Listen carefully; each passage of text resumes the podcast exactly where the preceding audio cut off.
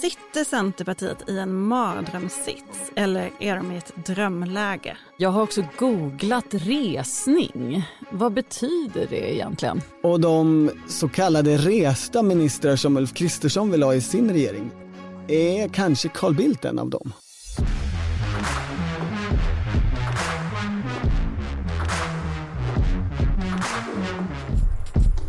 Det här är Politiken med Annie Reuterskiöld, Maggie Strömberg och Torbjörn Nilsson. Hörrni, Centerpartiets förtroenderåd ska diskutera ett väldigt politikord, framtidsagenda. Varför är det en stor grej, Maggie? Ja, men I den här framtidsagendan, de brukar ju ha ett sånt dokument. Det här är framtidsagenda fram till 2030. Det är ett ganska liksom, innehållsrikt dokument där de skriver allt om analyser om det politiska läget, vilken position partiet ska ha i det politiska landskapet, eh, vilka frågor som är viktiga, hur man ser på liksom, eh, politiken och samhället just nu. Och sen så finns det då målsättningar för de kommande mandatperioderna. Vad ska hända efter valet 2022? Kanske mest brännande där som inte finns nedskrivet men som man skulle kunna föreslå på det här förtroenderådet är ju till exempel om man ska stödja en borgerlig statsminister eller en S-statsminister. eller något sånt. Precis, det finns formuleringar i det här förslaget som nu har varit ute på remiss eh, kring hur man, hur man ser på sig, sig själv och vilken, vilken roll man ska ha efter nästa val. Och det är ju väldigt mycket det här som Annie Lööf har varit ute och pratat om, att man ska eh, vara en eh, självständig kraft i den politiska mitten. Eh, man ska ha sin liberala reformagenda, man ska gärna sitta i regering efter nästa val, man ska ta ansvar mycket fina ord. Det är mycket fina ord. Det är också mycket mm. optimism, framåtanda, den ljusa framtiden. Man ser tydligt att man vill måla upp någon slags eh, motkraft till en mer mörkare syn på samhället. Men oavsett vad de säger i helgen, är det inte så att Centerpartiet är det nya Socialdemokraterna i eh, så form att man tycker att man är solen i universum? Jo, förutom att kanske ingen annan tycker att man är solen i universum. Det är ju rätt många som fortfarande ser Socialdemokraterna som solen bland partierna om de vore planeter. Det är inte så många utanför sossarna fortfarande. Ja, fast det är ju ändå ett parti som alla förhåller sig till. Alltså jag tänkte mm. på det senast med den här Ulf Kristersson-intervjun i Dagens Nyheter förra veckan. Där han säger att om Socialdemokraterna går till val ensamt så kommer vi också göra det. Och man bara, va, kan du inte bestämma själv hur du ska gå till val utan vad sossarna gör? Alltså man förhåller sig fortfarande otroligt mycket till hur Socialdemokraterna agerar. Fast det är väl ändå Sverigedemokraterna som är solen i dagens politik. Som alla andra kretsar kring och, och liksom agerar utefter och sådär. Det, och innan ni svarar på det så ska jag också säga att det här är Svenska Dagbladets podd om politik. Men fortsätt Annie, du vill svara på det. Ja, eh, Torbjörn, tack för ordet. Nej, men tänkte att det är den här lilla gula ringen i blåsippan symboliserar. okay, Äntligen förstår jag. Det är i alla fall en strid om vem som ska vara solen i, um, i svensk politik kan man väl säga. Det är det de fightas om. Men Liberalernas partiråd har vi ju alla följt. Det har ju livesänds. De har ju varit väldigt intressanta diskussioner att ta del av. Ja, toppunderhållning. Ja, det har ju lite varit pandemins stora politiska grejen då, event. Alltså det finns ju inga politiska event nu för tiden Nej. längre, men det var ju eventet. Men Centerpartiet har ju då inte ett öppet öppet förtroenderåd. Så de som vill följa de diskussioner om regeringsfrågan som man ändå vet finns, även om de väldigt lite hörs utåt, kommer ju inte kunna göra det. Utan på fredag kommer man få en pressträff med Annie Lööf och partisekreteraren. Just det, och då kommer vi få höra att allting står jättebra till och eh, 2030 kommer man vara solen i universum. Ungefär, man kommer i alla fall vara den liberala kraften i mitten i svensk politik. Men det finns ju, som vi har rapporterat om tidigare, ändå eh, ganska starka känslor i Centerpartiet kring eh, Eh, det här vägvalet som det är. Annie Lööf låter ju ofta som att det här är en position Centerpartiet har haft länge och att den är fullt naturlig. Men det är den som har lyssnat på henne eller följt hennes parti under lång tid vet ju att det inte riktigt är så. Nej men precis i uh, val eh, kanske inte kampanjen, men vid valtiderna inför eh, 2018 års val eh, så var jag i, på Arlanda i någon typ av eh, valupptaktsträff med eh, alla kommunalråd och sådär. Och Annie Lööf höll ett verkligen ett eldfängt tal där. Där allt kretsade kring Stefan Löfven och hur fruktansvärd eh, Stefan Löfven var för svensk politik, för Sverige överlag och hur i princip hela Centerpartiets eh, essens gick ut på att eh, motverka Stefan Löfven. Vad hände Stefan Löfven? Vad hände med ambitionen om att ge alla en chans? Nu för tiden så verkar Socialdemokraterna mest vara intresserade av att säga nej, säga stopp, att ge upp. Alltså, jag tror att Stefan Löfven nämndes i varannan mening. Istället står Stefan Löfven där i sin trånga röda lilla box, passiv, tillbakalutande och famlande efter lösningar. Och hon fick liksom igång publiken mer och mer för varje gång. Ska fler få komma in?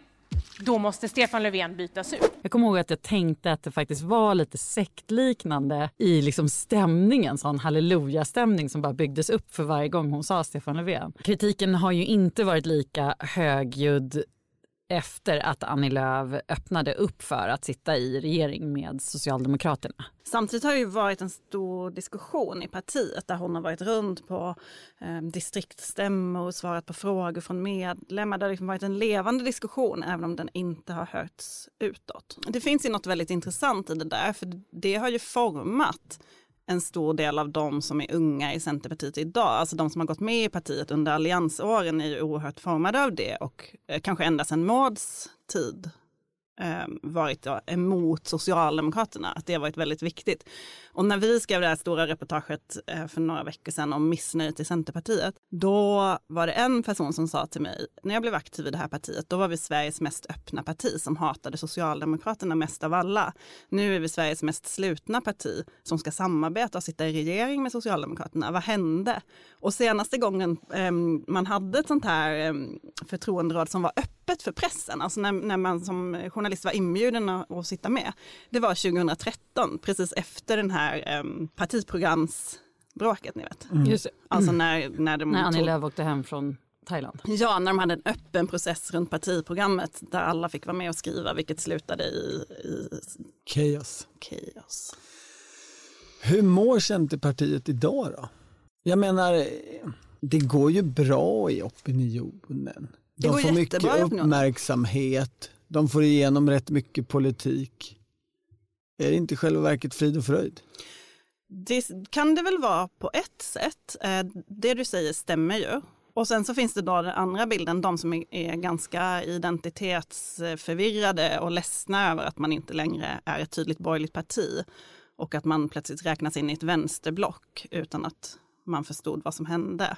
Sen finns det ju de här avhoppen som det har talats väldigt mycket om. Där ju många tongivande centerpartister, unga framtidsnamn, nu inte kandiderar till nästa eh, mandatperiod. Det är ju Emil Källström, Kristina Yngve, Magnus Ek, Fredrik Kristensson, Johanna Jönsson. Ehm, Hannes Hävjö skrev nyligen att han tackar nej till att stå på riksdagslistan efter att ha blivit erbjuden en, en valbar plats. Han har alltid känts som ett framtidsnamn. eh, Mm. Ganska starkt. Annie Lööfs gamla pressis som har eh, vickat som eh, Det är väl många av de där som är framtidsnamn, eller Ja. var. Absolut. Ida Alterå lämnade ju som CUF-ordförande efter rätt så kort tid utan att kanske ha gjort ett jättestarkt avtryck jämfört med den nya som gjorde det på en vecka. Alltså Men- Britt-Marie Reka. Mm. Men partiledningen vill ju få det här till att det är ehm, arbetsmiljön för politiker. Alltså när man kommer in i småbarnsåren eh, så är det... Eller när man har en bondgård hemma. Ja, Typiskt precis. centerproblem. Exakt. Eh, ja, men jag gjorde en intervju med Annie Lööf där hon pratade om det. Eller jag frågade henne efter riksdagsjournalisternas träff och som det publicerades i, i um, Svenska Dagbladet i veckan där hon just sa att det är riksdagsarbetet som är omodernt. Det är svårt att kombinera för de som bor långt bort småbarnsår med att behöva vara i Stockholm fyra dagar i veckan. Sådär. För det man hör när man pratar med centerpartister eh, i bakgrundssamtal så är det kanske så till viss del som jag får intrycket av. Men att om man hade varit mer politiskt övertygad om, om eh, projektet man just nu är inne i så hade man kanske valt att stanna. Prioriterat annorlunda. Ja. Ja, och det finns, tycker jag, också en annan sak där som är ganska intressant. Som jag, det slog mig när jag Ehm, stötte på Karin Eriksson på Dagens Nyheter. Hon skrev en text 2017. Den hade rubriken De vill ta klivet ut ur Lövs skugga. Och så handlar det om då ett antal centerpartister som ska vara med och bredda partiet och få ta klivet ut ur Annie Lööfs skugga. Och det är Fredrik Federley, det är Kristina Yngve, det är Emil Källström, Anders W Jonsson som ska vara liksom framtiden. Alla de är borta nu, eller Alla på de, väg bort. Alla de är borta eller på väg bort. Och det finns ju en, en känsla också som man hör mycket när man pratar eh, bakgrund med centerpartister som är att det finns den här liksom, starka kulten runt Annie Lööf. Man lyfter fram henne så oerhört mycket som enskild person. Hon har ju väldigt, väldigt höga förtroendesiffror bland sina egna väljare, också i högt förtroende i sitt parti. Det nordkoreanska förtroendet för partiledaren som en partiveteran som vi pratade med sa. Men det gör också att det finns ganska lite utrymme för personer med stor kompetens kanske inte alltid lyfts fram för att det finns också en riskfaktor med att de då håller på med något eget eller uttrycker sig på ett sätt som inte är exakt så som partiledaren skulle uttrycka sig. Det speciella med Centerpartiet är ju att de får så stora bortfall kring partiledaren under den här processen där man ska starta något slags nytt projekt. Och det projektet är lite oklart för många. Ytterligare, förutom då liksom partiledningen, den, den valda, så eh, verkar det ju röra lite på sig i tjänstemannakretsen också kring partiledaren. Och det är inte så konstigt för det är ju extremt slitsamt att driva januariavtalprojektet som man gör nu utan att ha tjänstemän på regeringskansli och så vidare. Och den stora frågan där är väl vad är egentligen nästa steg? Och inte då så mycket i vem ska man samarbeta med och hur utan vad ska egentligen Centerpartiet tycka? Vad, vad ska vara poängen med Centerpartiet i svensk politik? Jag tror att det finns två alternativ. Antingen sitta i regering eller inte. Det låter självklart, men alltså inte det här mellan eh, alternativet januariavtalet. Precis av den anledningen du säger, att det är så slitsamt eh, och att hela partiet fungerar lite som Annie Lööf, att man har ett stort kontrollbehov. Eh, man har inte gjort som Liberalerna, att man har valt ett antal frågor och så lägger man all krut på det och får inflytande där, utan man har verkligen velat kolla av varenda punkt på januariavtalet. Därför tror jag att man är trött på just den positionen. Men jag kanske ska skriva den här eh, recensionen då som tycker att Linda Skugges recension var bra. Eh, Linda Skugges recension i Expressen. Om, ja, om Kristina Sandbergs bok om cancer. Det, det, det jag menar är att eh, jag kommer med en motsatt åsikt. uh, nej men för att jag tror att så här, absolut, jag håller med, det finns problem. Partier har en enorm förmåga att även om det finns stora problem så kommer den stora eh, massan i partiet att foga sig, att följa med. Det är alltid så mycket tal om åh nu splittras det här partiet och nu är det nära och sådär. Men det händer ju otroligt sällan. Om vi tittar på Liberalerna till exempel, det är enorma konvulsioner men de lämnar inte partiet. Det är en enormt stor sak. Och om man tittar på hur Centerpartiet mår på andra parametrar så kan man ju se till exempel Dagens Samhälle gjorde en, en eh, undersökning om eh, vad man tycker om januariavtalet och då var det 95 procent av de som hade svarat i alla fall då som var nöjda med vad man har fått ut bland kommunalråden. Och man har ju lockat en massa nya väljare, bland annat kvinnor, akademiker och sådär. Och när man tittar på deras valstrategi framåt i den här vägen till valframgång som var någon slags strategidokument som Göran Eriksson kom över. Och, och där, där så uttrycker man ju då att man är ute efter fler av den typen av väljare. Fler kvinnor, fler akademiker, fler. Så att man har ju satt ut på en väg som man också vill fortsätta. Och man ligger, förra valet var det bästa valresultatet på 30 år tror jag för Centerpartiet. Och man ligger stabilt i opinionen. Så att alla de sakerna talar ju för partiet. Och sen kan man ju liksom se ytterligare en faktor som är att inget parti just nu, kanske undantaget Sverigedemokraterna, har ju sin drömposition. Alltså om man går igenom lite snabbt så tänker man Moderaterna eh, har tvingats till det här att samarbeta ändå med Sverigedemokraterna. Det satt ju långt innan då eh, och man är fast i någon slags konservativt block eller i alla fall en beskrivning av det, det egna blocket som konservativt. Eh, och Liberalerna har ju har ingen undgått att det har varit plågsamt för dem att, att välja samma position i princip. Socialdemokraterna har ju inte heller någon idealisk eh, sits nu med att försöka laborera mellan Centerpartiet och Vänsterpartiet. Och Miljöpartiet vill sitta i regering men förlorar på det hela tiden. Och Vänsterpartiet kämpar för att inte bli irrelevanta.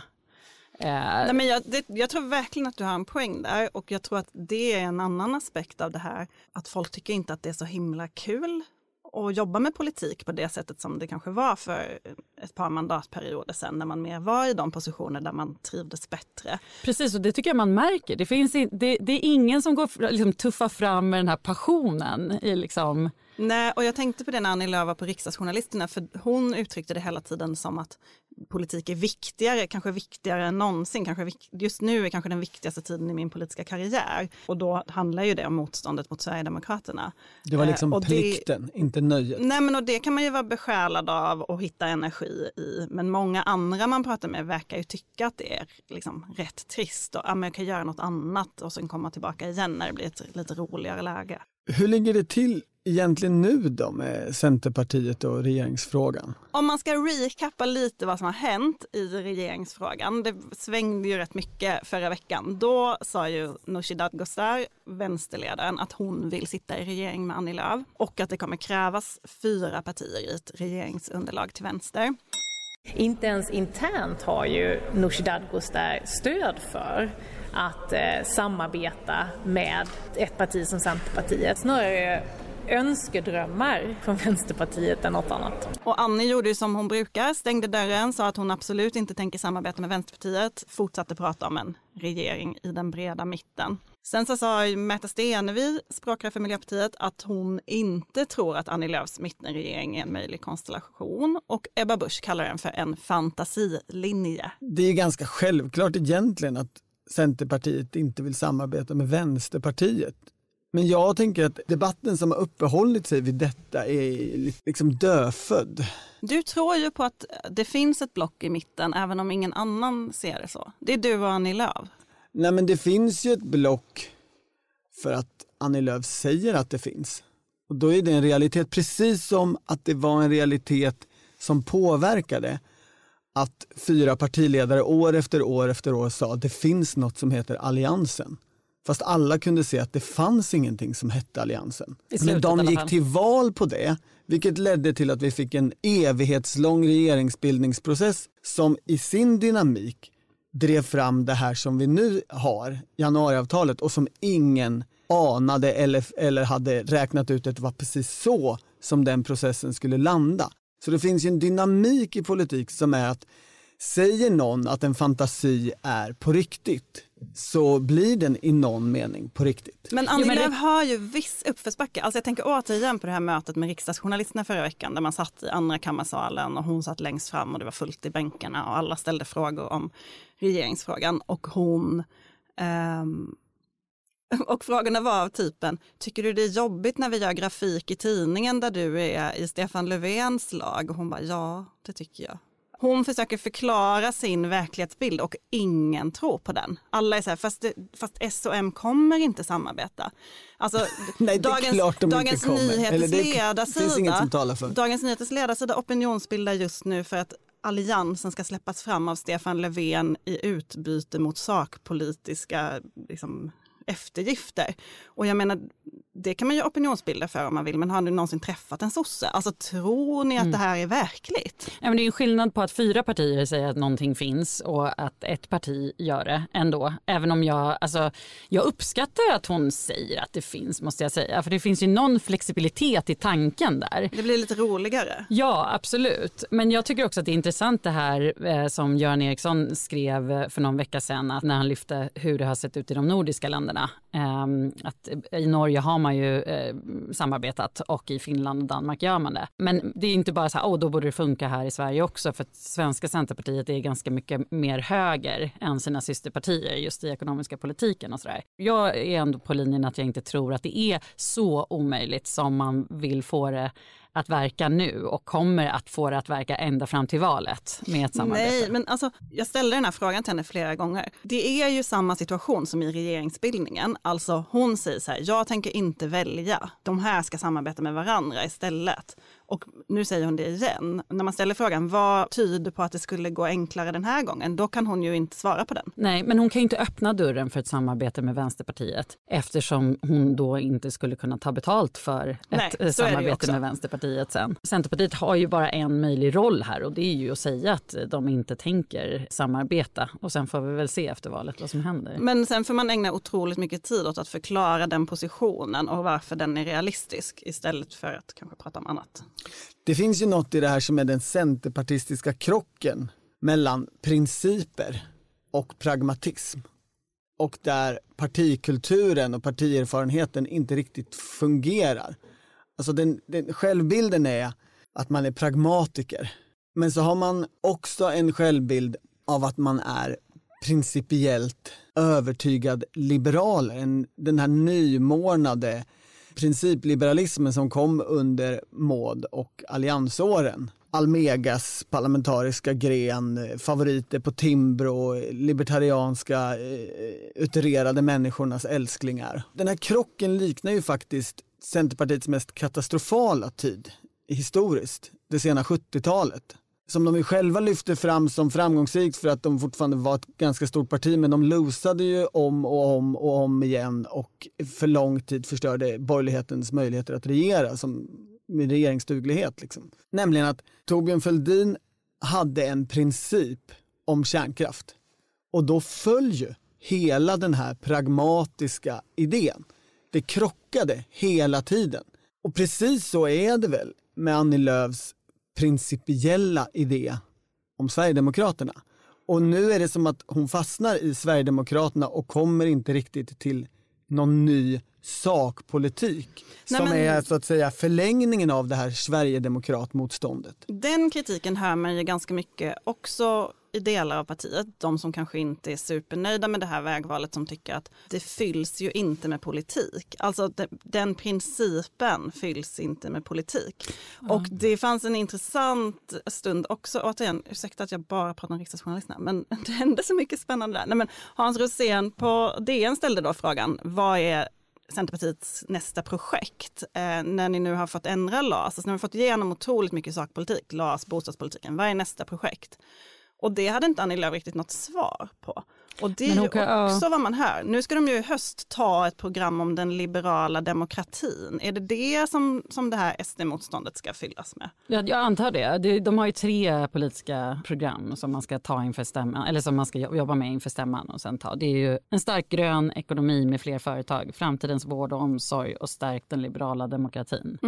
Men det man hör från folk är ju att Det att det finns inte så mycket nya tankar. Det finns inte så mycket liksom, politikutveckling. Det är ju också en sak som klassiskt att det gnälls kring när man tycker att Fast eh, det är saker ju inte så konstigt. De sitter och regerar med tio tjänstemän i, i, i riksdagen. När fan, ursäkta språket, ska de ha tid och ork och kraft att komma på en helt ny egen grej, inte bara för ett eget parti utan för ett eget block som man ju säger att man är. Det Ja, ställer ju exakt, det ännu finns- högre krav faktiskt.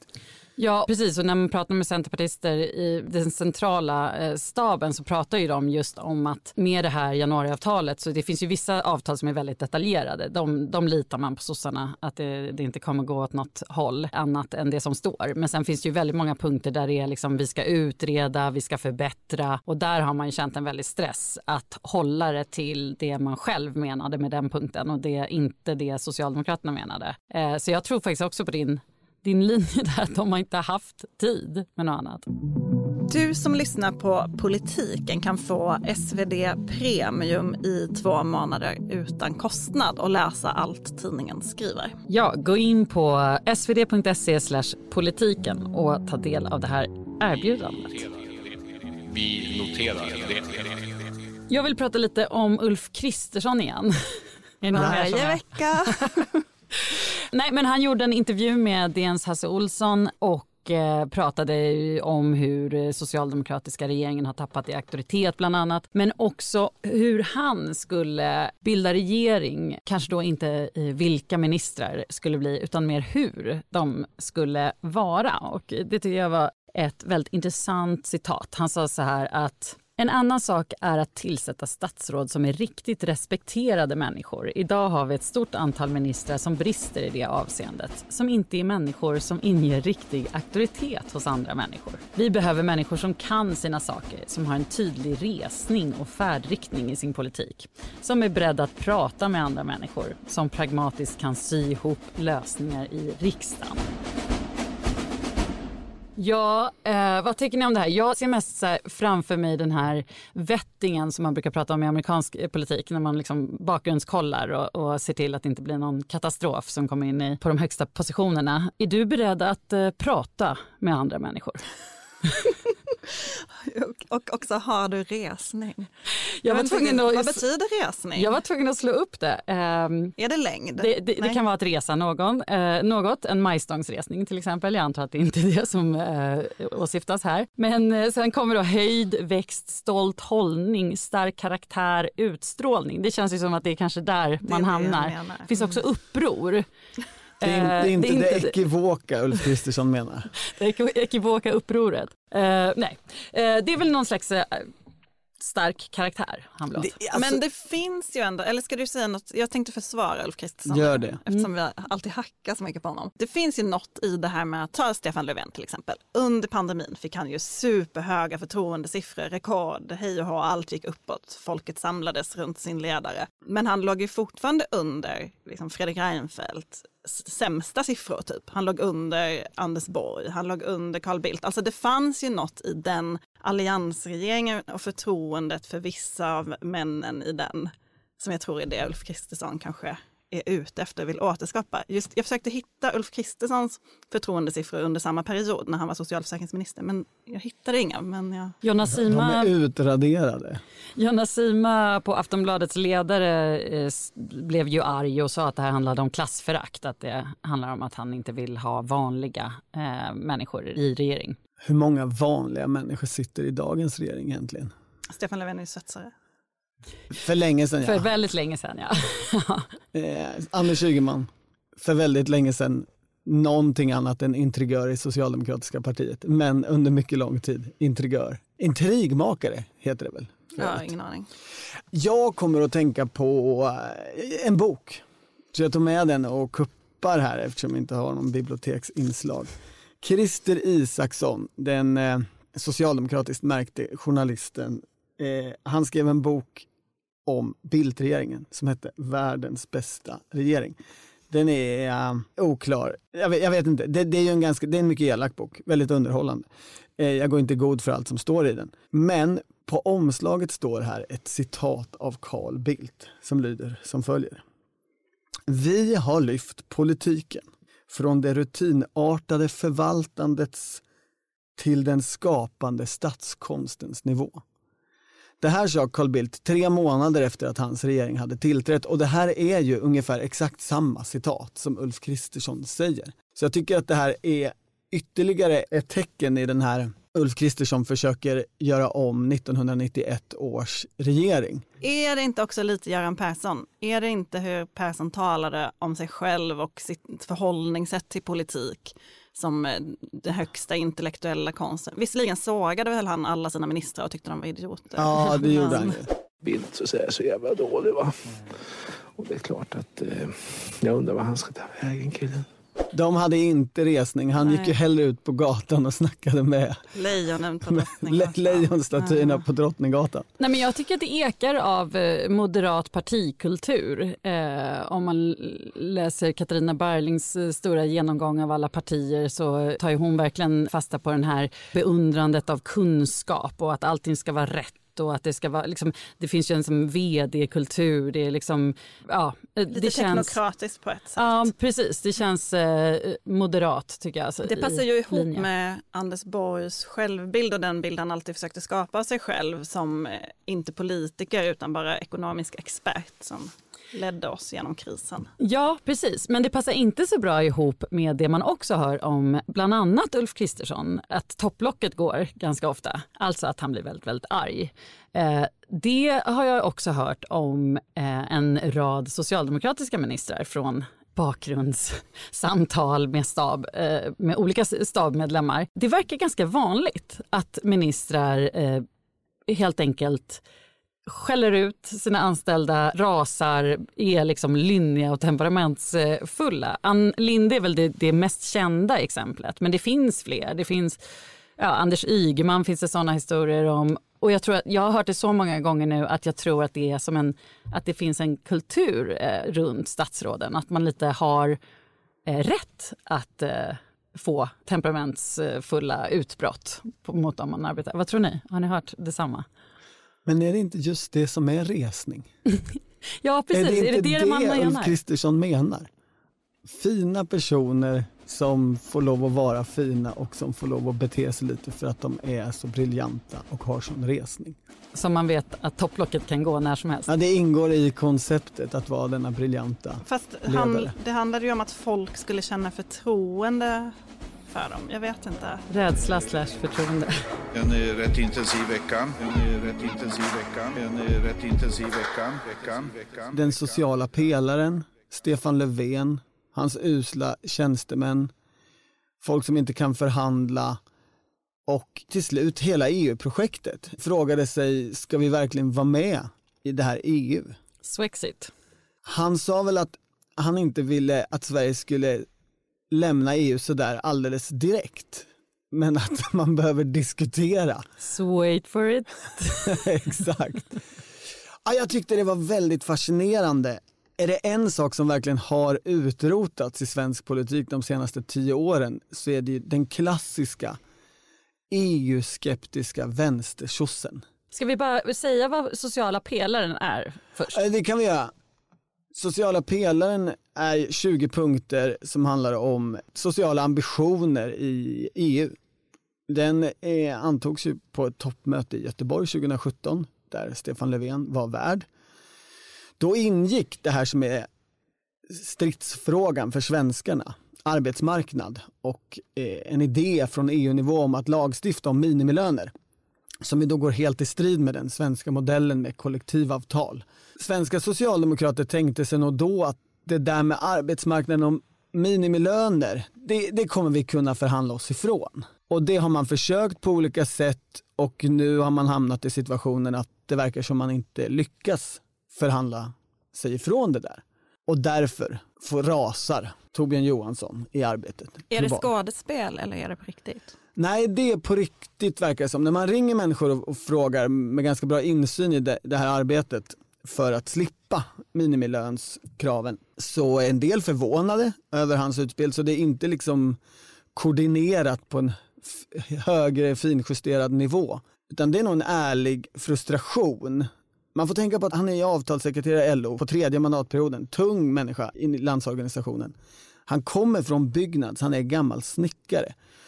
Och just byggnads och transport är de sektorer som hårdast drabbas eller har att, att eh, uthärda lönedumpning och eh, ja, rena fuskföretag. Så han har nog tänkt så här länge om EU, att det är mycket problem. Det sammanfaller ju med vad väldigt många av Sverigedemokraternas väljare också tycker. Ja men det är ju lite av poängen. Det finns fortfarande möjligheter att förhandla sig fri från det här på något sätt. Vi behöver inte gå in på de tekniska detaljerna, det tar en stund. Vi kan ta det i en annan podd. Det politiska är det riktigt intressanta. För det är ju väldigt enkelt och delvis sant, säger också rätt många socialdemokrater, att sätta bilden av att Stefan Löfven tog det här toppmötet, tog de här sociala ambitionerna som socialdemokrater i Sverige ofta vill att folk ute i Europa ska ta till sig. Ni borde bli mer som oss, ha föräldraförsäkring och arbetsmarknadsåtgärder och andra fina saker som vi har uppfunnit som vi tycker är jättebra. Men så fick man den här minimilönsdiskussionen på köpet och blev alltså lurade. Det är ju enkelt att sätta den bilden. Och på det sättet ser det ju nu ut som att det här är en riktigt bra present till Jimmy Åkesson. För idag så finns ju inte den här EU-kritiska vänstersossekretsen som skulle kunna fånga upp eh, den här kritiken och fånga sådana väljare som håller med om den här kritiken. Alltså alla de klassiska EU-kritikerna i socialdemokratin är ju antingen avlidna eller pensionerade slash har inte sina positioner Ja, längre. men och även ja, Miljöpartiet svängde för länge sedan, Vänsterpartiet har också Ja. ändrat sig och mildrat sin kritik. Jag menar. Marita Ulvskog, Leif Pagrotsky, Sören Wibe, Maj-Britt Theorin, Stefan då. Ett helt gäng som ju liksom var den, den stora EU-debatten under en massa år. Jag måste tipsa om den här EU-debatten från 94 för SVT. Den ligger på eh, Youtube. Jag Ja. kollade lite på den igår. Marita Ulvskog var med, hon var otroligt ung. Monica Saarinen eh, på Sveriges Radio var programledare. Ännu yngre. Otroligt cool. Eh, och eh, all, alla var med, Schyman, Carl Bildt. Det var jättebra, två timmar. Vi har en folkrörelsebaserad demokrati i Sverige och de nordiska länderna. Vi har folkrörelser, fredsrörelser, miljöorganisationer. Som medlem har vi dock ingen initiativrätt. Carl Bildt Från hoppar av eh, konsumentpolitik. bredde här, hör jag. Ja. Ja, hoppa, hoppa va. Eh, men eh, eh, detta är i sak fel. Det finns ju ingen sån, sån diskussion idag. Så fort någon säger, vad ska vi ha det här till egentligen? Så fnyser ju de flesta och säger, ja men det där är ju inte en fråga. Svenska folket har aldrig varit så positiva till EU som nu. 60 procent är för, eller vad den dagsaktuella noteringen från SOM-institutet nu är. Jag tror att de skjuter sig själva i foten. För under det där 60-procentiga stödet, vad finns där egentligen? Om det blir en diskussion, vem står upp och försvarar EU och EUs ambitioner av idag? Egentligen. Det kanske beror mycket på hur det går för England också. Ja, hela den här diskussionen om minimilöner hade nog aldrig hänt utan Brexit. Men Brexit har ju också påverkat hela liksom, högerns syn på, på EU. Går in på Svenskt Näringsliv idag så är det ingen som tycker att EU och EUs utveckling är fantastiskt. De vill ju liksom nöja sig med en inre marknad i princip. Eh, går du på ett kristdemokratiskt ungdomsförbundsmöte eller ett MUF-möte så hatar de euron och är sura på att EU, eller liksom har en allmänt EU-sur attityd för att EU går mot mer överstatlighet och tror sig vara något liksom stjärnornas krig, eh, galaktiskt samarbete där alla ska mysa tillsammans. Och Carl sådär. Bildt har inte lyckats med återväxten. Det är ju Carl Bildt som skulle stå upp för EU om det börjar blåsa. Men tror det är Carl ingen Bildt- annan. Han, han kanske har resning Men då. jag skulle precis säga det, blir inte han den reste EU-ministern i I- Ulf Kristerssons regering? Om den nu kommer till. Spännande tanke ändå. Ja, kan det bli så? Kanske. Det har, han har ju varit ute i blåsväder nu än, igen, här med Israel och Palestina. Och sådär. Ja, det, utrikes kanske blir för svårt ja, nu. det Nu blir det EU. EU. Ja, det blir det EU, precis. det är så att Alliansen vinner den 22 mars, kan du tänka dig att gå tillbaka som utrikesminister? Den tiden, den sorgen, får vi nog säga på den frågan. Det är ju som att man ibland önskar att Carl Bildt kom tillbaka till svensk politik. Jag råkade på något vis hamna på en gammal ledartext Per Gudmundsson hade skrivit i Svenskan där han lyfte fram en insändare som Carl Bildt publicerade i Svenska Dagbladet när Carl Bildt var 15 år. Då hade Östermalms tunnelbanestation precis byggts och Siri Derkert hade gjort den här konstinstallationen där om världsfred och hon har ristat in kända feminister och fredsmänniskors namn där. Otroligt vacker tunnelbanestation. Och det hyllades av massa konstkritiker då i samtiden. Dock inte av Carl Bildt, 15. Som upprörd skrev på insändarsidan i Svenska Dagbladet att hur kan man upplåta offentligt utrymme åt den här typen av politiska utspel och eh, hemskheter. I sådana fall borde vi upplåta en annan tunnelbanestation till mer nationella syften. Försvara ditt land och sådana paroller vill han då få in. Jag tycker... Gör alla olika saker när vi är 15. Carl Bildt, svensk politik har ju ingen som kan likna honom.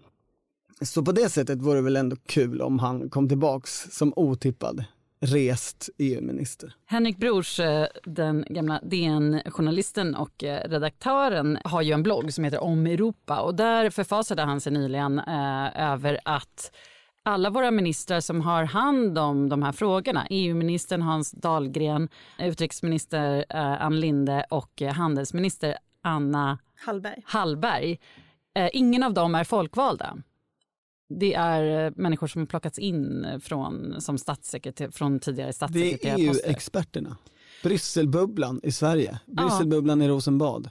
Och han menade på att det är ett stort demokratiskt problem eh, och att man inte tar EU-frågorna på allvar och att de här tre eh, driver en annan politik eh, delvis än vad som är beslutad om. Det är ett eh, intressant politiskt eh, område för att saker händer där som väldigt få har koll på Mm. fortfarande. Vad tror du nu då, det här Torbjörn Johanssons eh, upprördhet, kommer det leda till något? Det kanske leder till att man faktiskt får något slags undantag som eventuellt känns tillräckligt bra. Men en del LO-led så är man ju liksom vis av erfarenhet traumatiserade av Lavaldomen. För där trodde man också att man hade ett undantag och att allt var grönt och enkelt och sen kom domstolen i Europa och sa inte alls. Att utländsk arbetskraft eh, skulle arbeta här efter kollektivavtal? Ja, jag tänker att det finns skäl att politiskt måla fan på e-väggen trots de där 60 procenten.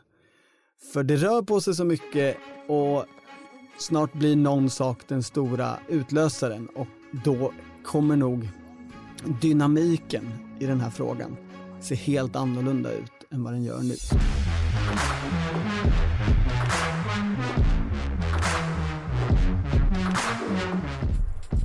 Du har lyssnat på Politiken, en podd från Svenska Dagbladet. Ansvarig utgivare är jag, Anna Kareborg.